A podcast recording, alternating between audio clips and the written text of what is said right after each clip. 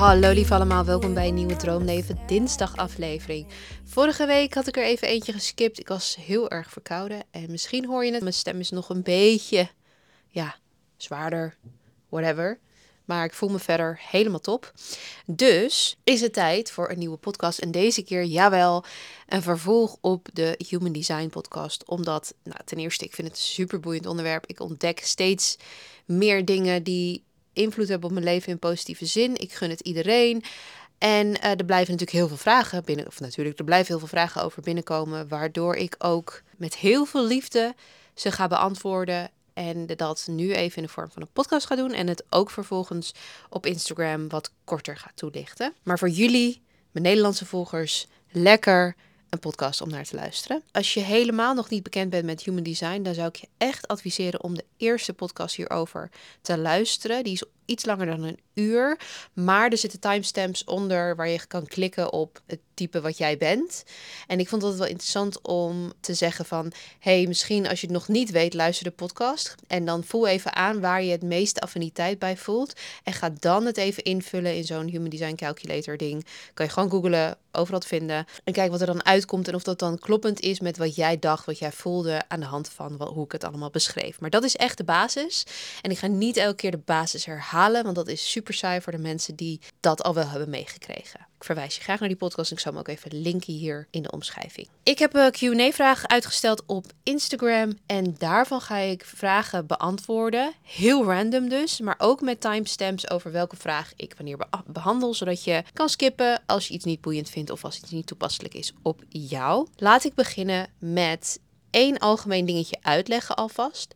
Want wanneer je Human Design chart laat uitrekenen, dan zie je blokjes en driehoekjes. En dan hebben ze een kleur of ze zijn wit. Nu is het even belangrijk om te beseffen dat er twee opties zijn. Dat is of een blokje of een driehoekje is gekleurd, of het is wit.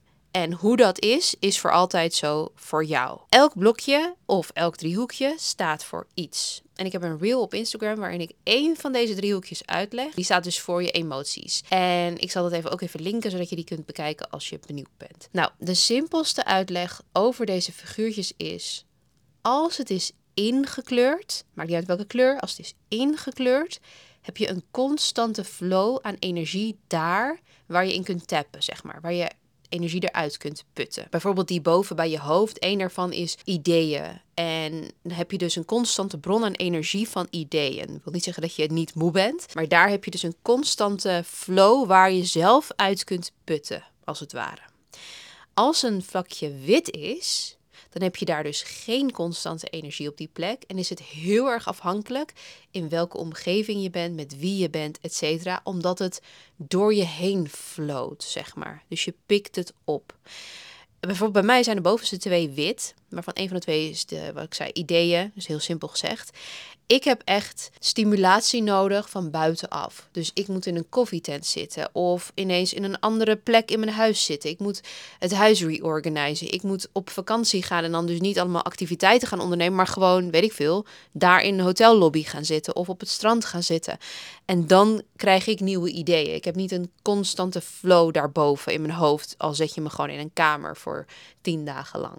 Dus ik heb iets nodig in mijn omgeving waardoor ik het kan oppikken. Het is heel simpel gezegd. Het is echt wel complexer dan dat. Maar dat is even om je een idee te geven van hoe zoiets werkt. En wat ik veelal heb gemerkt, uh, en dat is een voordeel voor het een en een voordeel voor het ander, dat als mensen die bijvoorbeeld heel veel wit hebben, heel erg creatief zijn, heel erg open staan eigenlijk voor ongelofelijke creatieve levens. En mensen die juist veel gekleurd hebben, die zijn dan weer heel goed in een plek innemen in de wereld. Zij stralen veel meer uit dan dat ze oppikken. want als je ingekleurd hebt, straal je uit. Als je wit hebt, pik je op. Wil niet zeggen dat dat zo zwart-wit is. Grappig, ingekleurd wit. Maar dat is wel de energie waarmee je in het leven verschijnt. Als ik zelf helemaal de keuze zou hebben, zou ik eigenlijk niet kunnen kiezen. Want beide kent voordelen en nadelen. Maar gelukkig hoeven we ook niet te kiezen. En hebben de meeste mensen een combinatie van ingekleurde en witte. Ik ben nog nooit iemand of een chart tegengekomen, ik weet niet of dit kan, dat alles ingekleurd is. Maar alles wit bestaat wel en dat is minder dan 1% van de bevolking en die behoren tot de energiegroep de reflectors. Omdat is ook grappig, want zij reflecteren, zij spiegelen letterlijk alles wat de wereld hen geeft, omdat zij alles oppikken. Um, maar daarover dus in de eerste aflevering over Human Design. Alles over de vijf energietypes. Dan rol ik eigenlijk in de vraag van hoe vind je je identiteit met een ongedefinieerde G-centrum. En dat is de plek, als ik me niet vergis, de derde van boven, G-center. Als je het even googelt, Human Design, dan zie je precies welke dat is. En kun je dat naast jouw chart houden om te kijken of jouw wit is of ingekleurd. Als die wit is, dus dat noemen we ongedefinieerd, dan heb je dus niet een vaste energieflow daar. En die staat voor je doelen en je dromen en wat je wil in het leven. Dus ook het stukje identiteit. Als die wit is, kan het zijn dat je de hele tijd struggelt met wie ben ik? Wat wil ik? Wat zijn nou mijn doelen? Ehm, en dan zie je mensen bijvoorbeeld in interviews zeggen van... ja, ik wist van kleins af aan al dat ik dit en dit wilde doen... of dit en dit wilde zijn. En dan denk je vaak, oh, er is iets mis met mij... want ik heb niet dat ik van kleins af aan precies wist wat ik wilde. Ik hoop dus dat daarmee Human Design je ook rust kan bieden... aangezien dat stukje, als die wit is... betekent het alleen maar dat jij mag aannemen je identiteit, wat je wilt, de dromen en de doelen die je hebt, die je nu op dit moment hebt. En dat kan ook over een paar jaar weer veranderen, maar het is nog steeds even echt voor jou op dit moment wat je nu voelt. En je hoeft dus niet te bedenken, maar vroeger wilde ik misschien iets anders of misschien wil ik later weer iets anders. Dat maakt niet uit. Jij bent wat jij nu bepaalt, wat jij nu voelt, wat jij nu, waar je nu een soort van alignment mee voelt. En ergens is dat dus iets heel moois, want je kan dus in flow zijn. Je kan dus veranderlijk zijn daarin. En je hoeft dus nu niet iets te kiezen waar je twintig jaar lang je identiteit aan gaat vastkoppelen. Bij mij is die ingekleurd en bij Boy is die, omgekeerd, is die wit. En het is dus heel mooi om dat verschil te zien. Hij struggelde heel lang met wie ben ik, wat wil ik? En jij weet al zo goed wat je wil. Jij weet al van jongs af aan, eh, dit is mijn passie en ik wil dit en dit en dit doen in de wereld. En hij spiegelde dat weer naar zichzelf van, waarom heb ik dat niet? Wat is dan mijn passie? Wat zijn dan mijn dromen? Wat zijn dan mijn doelen? En dat kan frustrerend zijn in een wereld die geprogrammeerd is om te doen denken dat je je passie moet volgen en die vaak al wel weet van jongs af aan. Nou, dat is met mensen die dus een witte G-center hebben niet het geval, want het verandert steeds. Maar dat wil niet zeggen dat je het dus niet bezit, dat je niet dromen en doelen mag hebben of hebt nu. Maar je twijfelt er misschien een beetje aan omdat ze veranderlijk zijn. En dat is eigenlijk juist weer de gave die erachter schuilt voor jou. Alleen, het is gewoon heel erg interessant om te zien hoe de wereld geprogrammeerd is en hoe onze human design en astrologie dingetjes soms daar dan zo mee struggelen. Of zeg maar dat er frictie komt. En dat is vaak omdat het anders is dan dat het geprogrammeerd is. Dus ik hoop dat dit een beetje een antwoord geeft. Dat jouw identiteit gewoon is wat jij nu bepaalt. Loslatend van dat dat niet voor altijd gaat zijn. Een andere vraag is: wat als je je geboortetijd niet kunt achterhalen? Dat is een hele goede, want dat had ik ook heel, een hele lange tijd. Er zijn astrologen die dat kunnen doen. En dan dien je even te googlen naar birth time, astrologer en dan nog iets. Ik weet niet meer precies, is een bepaald woord. Maar als je zoiets zoekt, dan komen er meerdere tevoorschijn. En dat kan gewoon online. Het kan wel een paar honderd euro kosten. Want wat een astroloog bijvoorbeeld gaat doen, is die gaat kijken naar de transits. Oftewel hoe de planeten bewogen aan de hand van jouw verjaardag. Dus nog niet per se je geboortetijd, maar wel de dag dat je bent geboren, de plek waar je bent geboren, hoe de planeten in die 24 uur bewogen. Wat ze eigenlijk doen, en dat vind ik super bijzonder, de astroloog gaat jou dan vragen voor data van grote gebeurtenissen in je leven. En op die manier achterhalen hoe de planeten stonden en of die frictie qua energie dan overeenkomt met je geboortehoroscoop. En zo leiden ze dat soort van terug naar de minuut dat je bent geboren. Dus het kan. uh, zonder dat je dus informatie hebt van het ziekenhuis, de gemeente, het land, uh, als je geadopteerd bent of wat dan ook. Ik ben zelf heel erg de diepte ingedoken. En dat is ook in mijn human design te zien. Ik ben een 5-1. En die 1 staat heel erg voor dat je zelf de research ingaat en alles gaat uitzoeken. Dus ik ben heel erg zelf erin gedoken, heb een Excel-sheet gemaakt, zodat ik zelf al een idee had van, hmm, het zou tussen dit tijdstip en dat tijdstip kunnen zijn, want deze, deze, deze dingen in mijn geboortehoroscoop komen overeen, dit in mijn human design, et cetera. En toen het laten bepalen extern. En dat was super boeiend. Dus daardoor ben ik dus achter mijn geboortetijd gekomen. voordeel met human design is bijvoorbeeld ook, is als je je geboortetijd niet weet, dat de energietypes echt in blokken van halve dagen veranderen. Dus ja, je energietype blijft best wel een lange tijd hetzelfde. Dus een halve dag tot een hele dag is het bijvoorbeeld generator of manifester of reflector. En ehm, wat ik dan doe bij mensen waar ik geen geboortetijd van weet, is dan gewoon even om 1 uur ochtends, om 8 uur ochtends, om 2 uur middags, om 10 uur s avonds en om half 12 of zo s avonds even dat invul. Kijken of er iets verandert in het energietype. Meestal verandert er niet iets of er zijn twee opties. Het is het een of het ander. Al die andere dingen in de chart zelf, die gekleurde en ongekleurde, die witte blokjes en zo, die veranderen wel.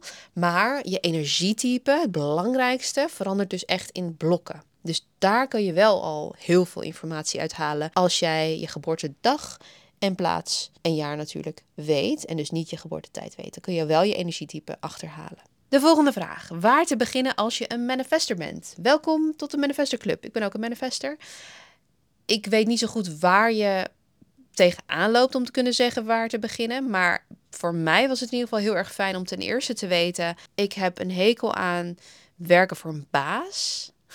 Een heel algemeen iets. Dat heeft heel erg te maken met dat manifesten een soort van vrijheidsvechters zijn. Ze willen heel, ze willen heel erg vrijheid, niet vastgepind. En manifestors hebben heel erg de neiging om in één keer iets, een ingeving die ze krijgen te volgen. Daar hebben ze dan super veel energie voor. En dan op een gegeven moment dat ook weer los te laten. Maar dat is dus heel gek, want soms is het niet af, is niet afgemaakt, et cetera. En dan is dus de wereld geneigd om te zeggen: je maakt niks af. Terwijl voor manifesto is dat precies de rol waar die in moet zitten. Ehm, je moet dat natuurlijk een beetje in je leven op een bepaalde manier opbouwen dat het werkt met dingen die je wil. Bijvoorbeeld als je een bedrijf hebt, kun je niet de hele tijd dingen starten en dan niet afmaken. Dus je wil dan generators bijvoorbeeld op een plek hebben zitten, projectors, et cetera, die dat dan weer verder het leven in kunnen brengen, bijvoorbeeld. Dat zou ik zeggen als manifester zijnde. Dan de vraag van iedereen ik herken mezelf niet in mijn type, ik ben een projector. Ik herken mezelf niet in mijn type, ik ben een generator. Ik herken mezelf niet in type, ik ben een manifester. Het ding is, het voelt als, ja, als het goed is, zo normaal voor je dat als je statements leest, je misschien dat dan niet voelt of zo. We zijn toch ergens geneigd te denken dat iets dat heel normaal is, bijvoorbeeld bij projectors, die heel goed kunnen zien hoe iets beter kan, die beseffen vaak niet eens en die denken dat iedereen zo denkt. Er is een jongen op YouTube die ik volg, die heet Ali Abdaal en hij maakt hele boeiende video's over productiviteit, tijdsmanagement, side hustle, etc. Hij is te gast geweest bij de podcast Diaries of the CEO en hij noemt dan dingen als het leren van het hebben van een entrepreneurial mindset. Dus een mindset van iemand die ondernemer is. Dat je wakker wordt, tegen iets aanloopt, doorgaat met je dag, de volgende dag wakker wordt, tegen precies hetzelfde weer aanloopt. En in plaats van dus weer doorgaan met je dag, denkt: hé, hey, wacht eens even, zouden meer mensen hier tegenaan lopen? Hoe kan ik dit oplossen? En hij noemt dat dan entrepreneurial mind. En ik denk dan: gast, je bent een projector.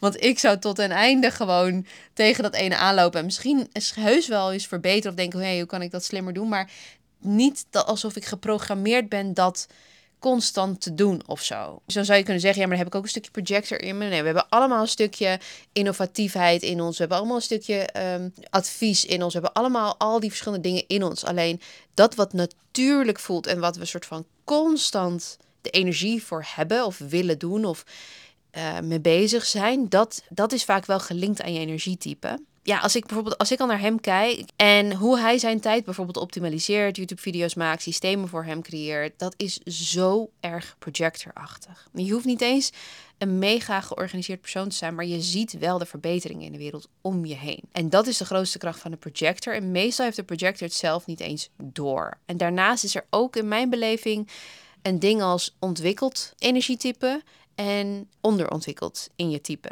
Zo zie ik het dus ook met astrologie.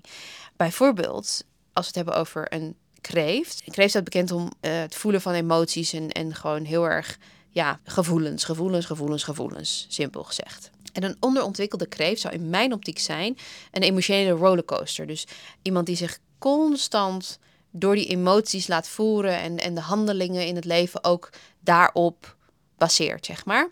En een ontwikkelde kreeft, in mijn optiek, is iemand die emotioneel ontwikkeld is, emotioneel wijs is, begrijpt dat de vlagen van gevoelens, zich niet identificeert met de gevoelens, ze kan plaatsen en tot zijn of haar kracht kan gebruiken in plaats van er slachtoffer van te zijn. Dus dat is voor mij een soort van de evolutie van alles wat in je geboortehoroscoop of ook in je human design staat. Dus het kan ook zijn, als we kijken naar bijvoorbeeld een projector. Ik zou dan zeggen een niet ontwikkelde projector. Iemand die bedweterig is, die constant anderen ongevraagd advies geeft. En ook niet, misschien niet uh, goed genoeg advies. Of eigenlijk advies over dingen waar hij helemaal geen verstand van heeft. Maar dat dus wel doet en dan verbitterd is omdat hij of zij ziet hoe dingen beter kunnen, maar geen zin heeft om actie te ondernemen. En dus constant leeft in een niet geoptimaliseerde wereld bijvoorbeeld. Dus daar zit ook een stukje van misschien herken je het wel of misschien herken je het niet. Ik zou ook zeggen, lees meer dingen om een beetje een algemeen beeld te krijgen. Dan dat je misschien een keer een zinnetje leest van iets wat dan niet door jouw energietype is geschreven. Wat vaak um, moeilijker is om daar ja, een relatable iets in te vinden, zeg maar. Om daar affiniteit bij te vinden. En dat merk ik bijvoorbeeld heel erg bij reflectors, omdat dat minder dan 1% van de wereld is. En heel veel lessen en stof en, en dingen om te leren door projectors is geschreven. Grappig genoeg natuurlijk, want die willen in de adviserende rol zitten. En dat dat um, dan veel soort van algemener is beschreven voor reflectors. Dat ik nog niet dat er nog niet genoeg mensen zijn die achter hun human design zijn gekomen, waardoor er dus ook genoeg reflectors zijn om de lesstof van reflectors volwaardig te maken, zeg maar. Oké, nu de laatste vraag, voordat het een hele lange podcast wordt. Iemand die een manifesting generator is en die wil balans vinden in manifester en generator energie. Nu ga ik meteen één ding de wereld uit werken. En dat is dat als je manifesting generator bent, dan behoor je tot de generators. Dan ben je niet een stukje manifester, een stukje generator. En hoewel misschien ik dat hier daar wel eens heb gezegd of zo, van ja, je hebt een beetje van beide, je bent een hybride of zo. Je bent niet onderdeel van de manifestors. Je bent dus echt onderdeel van de generators, alleen je hebt een extraatje en dat is dat je soms dingen tot leven kan laten komen. En dat noemen we dus manifesteren. Zonder dat je daarvoor hoeft te reageren op iets. En hiervoor adviseer ik dus ook om die eerste podcast te luisteren, zodat je je strategie begrijpt. Elk type heeft een strategie om in flow te zijn met waar je voor hier bent op aarde, zeg maar. In alignment. Voor een generator is het cruciaal om te reageren op dingen die er al zijn. En dan heel erg vanuit de geluiden van mm en Dus wil je pizza? Mm wil je pasta? wil je sushi? Dus heel erg, uh, er moet iets zijn en daar reageer jij op. En dat is dus ook heel het mooie in de wereld, vind ik, van om een teken vragen of uh, zeggen van ja, moet ik die baan aannemen? Dan zie je iets wat jou een onderbuikgevoel geeft meteen van, oh, dat moet ik doen inderdaad. Want kijk, het komt nu zo en zo naar me toe. En dan reageer je daar dus op. Dus reageren op dingen is de strategie voor de generator. Maar dus ook de manifesting generator. Alleen, een manifesting generator heeft af en toe de mogelijkheid om niet te reageren op iets wat al bestaat en wat naar je toe komt, maar zelf iets te creëren uit het niets, zeg maar. Uh, en dat is dat manifesteren, dus wat een manifester in principe doet. En dat is dus het grote verschil. Je bent geen manifester, want een manifester is een compleet andere energie. Je aura als manifester is gesloten. Je bent graag alleen, of eigenlijk je werkt graag alleen. Je hebt pieken aan energie. Als manifesting generator en generator is je aura open. En hoef je niet per se alleen te zijn om goed te functioneren, of veel alleen te zijn om goed te functioneren. En je hebt een constante bron aan energie in je lijf. Dat noemen we ook wel je sacral.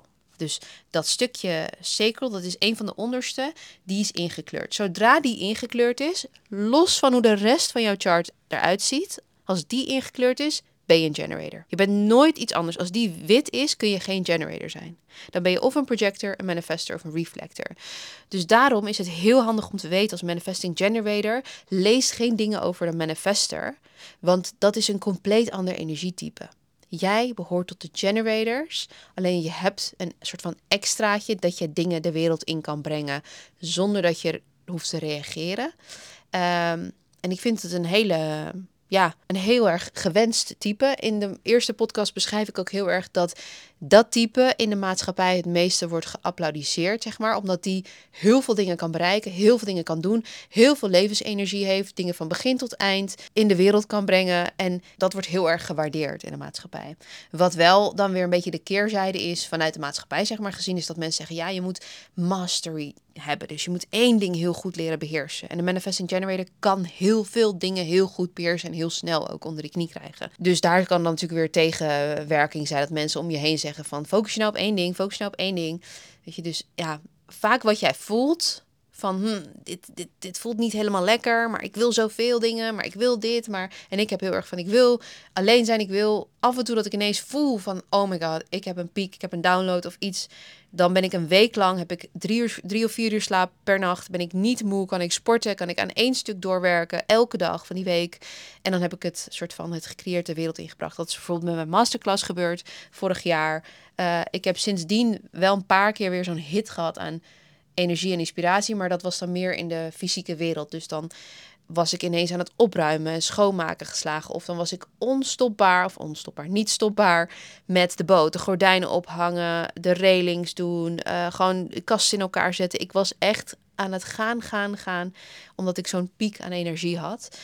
Uh, en het voordeel van dus een generator is dat je dat in principe elke dag hebt. En dat is dan misschien niet die piek van 200% van een manifester, maar in ieder geval de 100%. en maar de meeste dagen zit ik echt uh, ja, op 50 of zo, of 20%. En uh, dat is het beetje het frustrerende aan een, een manifester zijn in de wereld die dus allemaal dingen wil bereiken. Of vindt dat je daar dus applaus voor krijgt. Laatste wat ik wil zeggen is, als wij allemaal meer zouden leunen in ons type, dan vinden we ook in de hedendaagse wereld ons succes. Er is niet alleen maar succes voor manifesting generators weggelegd. Het is wel zo dat, dat de, hoe de wereld is geprogrammeerd meer in lijn is met hoe zij zijn. Nog een ander interessant dingetje is ook dat hoe meer jij begrijpt over jouw energietype, je human design, en daarin gaat leunen, hoe meer je ook weet welke elementen je in jouw leven op je plek moet zetten om het beste te kunnen functioneren.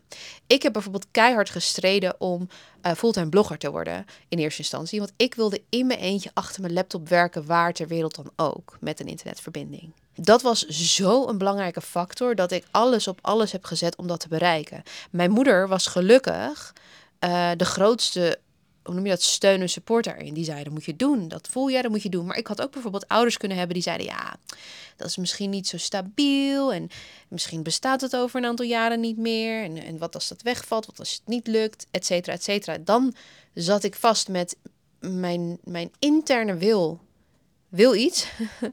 dus mijn manifesterkant wil vrijheid, wil alleen, wil dingen de wereld in kunnen brengen die ik bedenk, whatever. Maar mijn omgeving zegt dat ik het anders moet doen.